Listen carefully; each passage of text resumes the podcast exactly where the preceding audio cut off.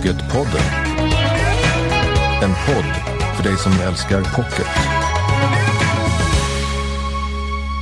Hej hej! Nu har Pocketpodden varit på Bokmässan i Göteborg och jag har tagit med mig några godbitar till detta specialavsnitt. Du ska strax få höra en västerbottniskt milt glädjestrålande Stina Jackson, debutanten som med romanen Silvervägen blivit en ny stjärna på den svenska bokhimlen. Och så träffade jag Maria Adolfsson och Camilla Sten för att prata om fiktiva deckarmiljöer.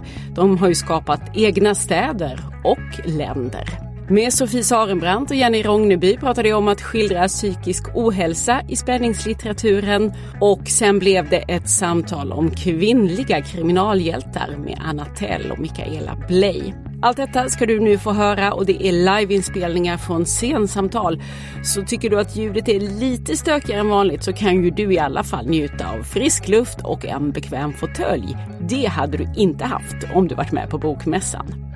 Så först ut, Stina Jackson som med sin Silvervägen gjort en sån dunderdebut. På prishyllan så kan hon nu också ställa dit den där bokstavsskulpturen som berättar att hon skrev Årets bok 2019.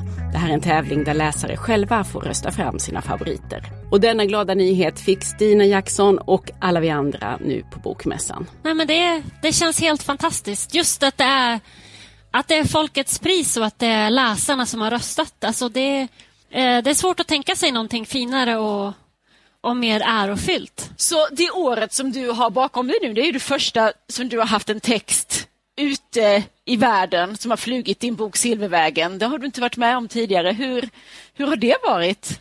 Nej, det har varit spännande och det har varit surrealistiskt. Den har ju släppts i några andra länder och att se omslag på andra språk och det är ens första bok. Så det är lite som att gå omkring i en dröm som man väntar på att vakna ur. En sak som, som gör att den här sticker ut i spänningsgenren som den ändå befinner sig i, mm. det är ditt språk. Det är ett väldigt vackert språk och det är en väldigt stark stämning och det här får man klart för sig redan så fort man slår upp boken på första sidan så slår du an tonen. Och jag tänkte att du skulle få göra det här också så vi vet i vilket universum vi rör oss. Du får läsa inledningen för oss. Mm.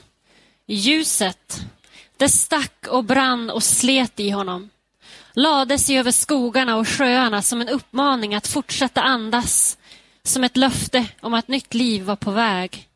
Ljuset som fyllde ådrorna med rastlöshet och tog sömnen ifrån honom. Redan i maj låg han vaken när gryningen letades in genom fibrer och springor. Han kunde höra kärlen sippra ur jorden där vintern förblödde bäckarna och älvarna som brusade och steg när fjällen skalade av sig sina vinterkåpor. Snart skulle ljuset fylla nätterna, sträcka ut sig och förblinda, skaka liv i allt som slumrade under de multna löven. De skulle fylla träknopparna med värme tills det brast och skogen skulle sjuda av hungerskrin från de nykläckta liven. Midnattssolen skulle driva människorna ur sina hålor och fylla dem med längtan. De skulle skratta och älska och våldföra sig på varann. Det hände att människor försvann, att de bländade sig och tappade bort sig. Men han ville inte tro att de dog. Nej, han ville inte tro att de dog. Det är din huvudperson Lelle här som vi ska återkomma till, men som man ju också förstår så spelar miljön en stor roll. Vi är i Västerbotten, ah. din hemtrakt. Du är Skellefteå-flicka från början. Ja, Skelleftebo, det stämmer. Men befinner dig ju till vardags och sedan många år tillbaka väldigt långt därifrån för du är ju numera bosatt i USA. Ja. I över tio år ja. har du bott där. Det stämmer. Så hur har du hittat hem? Alltså jag brukar ju säga att det är den här boken som har fått mig att, att hitta hem. Det var ju, ja, hemlängtan var ju mitt bränsle när jag skrev Silvervägen. Jag ville ju liksom återupptäcka Västerbotten och Norrbotten med, med mina ord. Så det har varit liksom som mitt sätt att komma tillbaka. Och Jag tror även det här att jag har bott borta så länge har ju eh, fått mig att förstå vilken vacker och magisk plats jag kommer ifrån. Och sen åker du hem, för det gör du ju väl i alla fall någon gång om året ja, eller gud, då och då. Ja. Är det som du... Ja, alltså jag, det första jag gör när jag kommer hem är att springa ut i skogen Pappa brukar säga det, du springer ju bara ut i skogen för han, han vill ju vara med mig varje sekund. Nej, men jag, jag känner igen mig och jag tycker det är så fantastiskt. Eh, och Jag är mycket ute och liksom samlar kottar och tar in de här dofterna och jag fotograferar väldigt mycket. Så den här kärleken har egentligen bara blivit större till platsen Jag- i och med avståndet. Jag hörde någonstans att du till och med spelar in ljud, skogssus. Ja, jag bruk- Ja, skogssus. Jag brukar liksom spela in tallsuset. Det gör jag ofta. Så att, eh, min uppskattning och min kärlek har ju blivit större och jag brukar försöka ta tillvara liksom varje dag när jag åker hem. Men finns det någonting av det här när du ser dig omkring i ditt liv i, i Denver i USA? Ja, alltså jag har ju ganska tur. Det finns ju berg och eh, skogar som är ganska lika mina hemtrakter. Så kör man upp i bergen så kan jag få lite av det här eh, hemkänsla. Och så har vi ju fyra årstider, vilket är underbart. Jag skulle inte vilja bo på en plats där det är sommar året runt till exempel. Utan jag tycker ju om årstiderna. Och de är också med i boken. Ja. Eh, vintern och våren. För det är viktigt för Lelle som ju är ute och letar efter sin försvunna dotter. Det är Ja. det som är handlingens kärna. Att i tre år har hon varit borta och Ja. ingen vet var hon tog vägen. Och den enda som egentligen fortfarande kanske inte har gett upp det är hennes pappa. Ja. eh, Lelle. Och hon försvann längs denna Silvervägen. Berätta, vad är det för väg? Ja, det är en väg som går, den börjar ju i min hemstad Skellefteå och sen går den ända, ända till Norge, till Bodö, över norska gränsen, via Arvidsjaur och Arjeplog. Väldigt vacker väg. Och förr i tiden så fraktades ju silver från fjällen och till kusten. Så det är där den har fått det här vackra namnet. Men när du pratar om årstiderna så var det ju, ju- just det här ljuset är ju väldigt speciellt där uppe.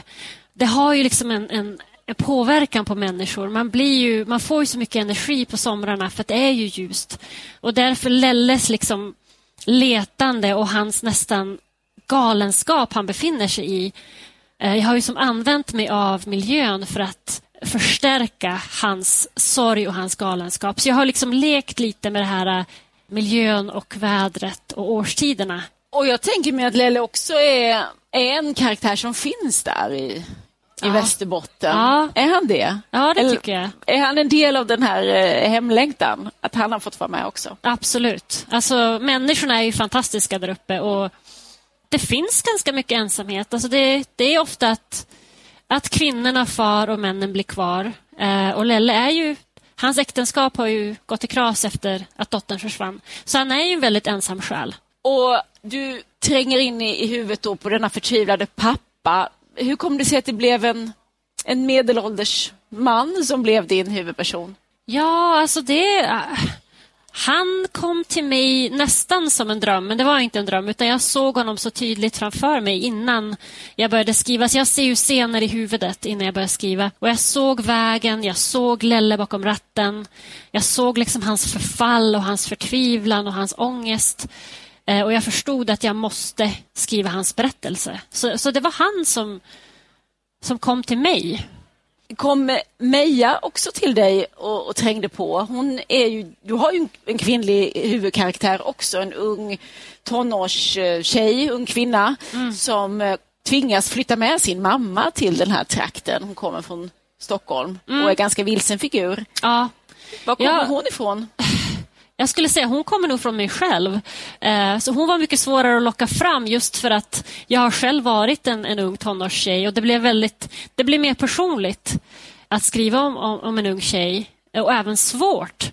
Men just hennes utsatthet och hennes liksom sökan efter ett sammanhang och någon, någonstans att höra hemma ville jag utforska. Och, och jag blev väldigt berörd av både Lelle och Meja och deras öden medan jag skrev. Och Jag tror jag har märkt läsare som säger att, att det är just karaktärerna de blev så berörda över. Och det gör mig glad, för att så kände jag ju själv när jag skrev. Så jag är glad att det lyser igenom. Ja, och du har ju du har en polis som dyker upp i, i eh, bakgrunden men annars så är det ju inga typiska kriminalkaraktärer utan Nej, det är nej, ett helt har- annat persongalleri som du har. Ja, jag har ju insett att det är ju lite av en annorlunda kriminalroman eftersom det inte är, som du säger, en traditionell utredare eller detektiv eller polis.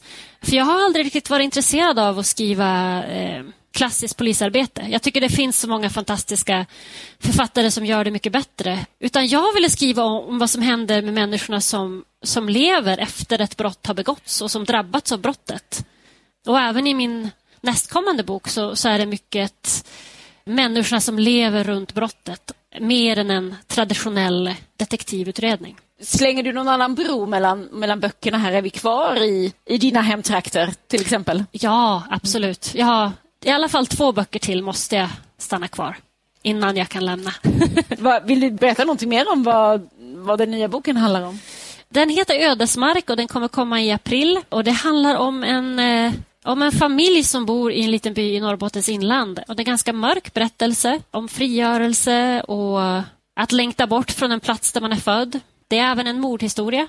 Jag tror att folk som gillar Silvervägen kommer att, att känna igen sig även om det är en helt fristående berättelse. Det är ju inte en, en regelrätt uppföljare utan den är ju också en helt ny berättelse. Du berättade ju för mig vad du har för egna favoritförfattare och inspirationskällor. Nämnde Kerstin Ekman och Lina Wolf. Vilka var det mer du sa? Ja, mina amerikanska husgudar är ju Cormac McCarthy och Daniel Woodrell tycker jag väldigt mycket om.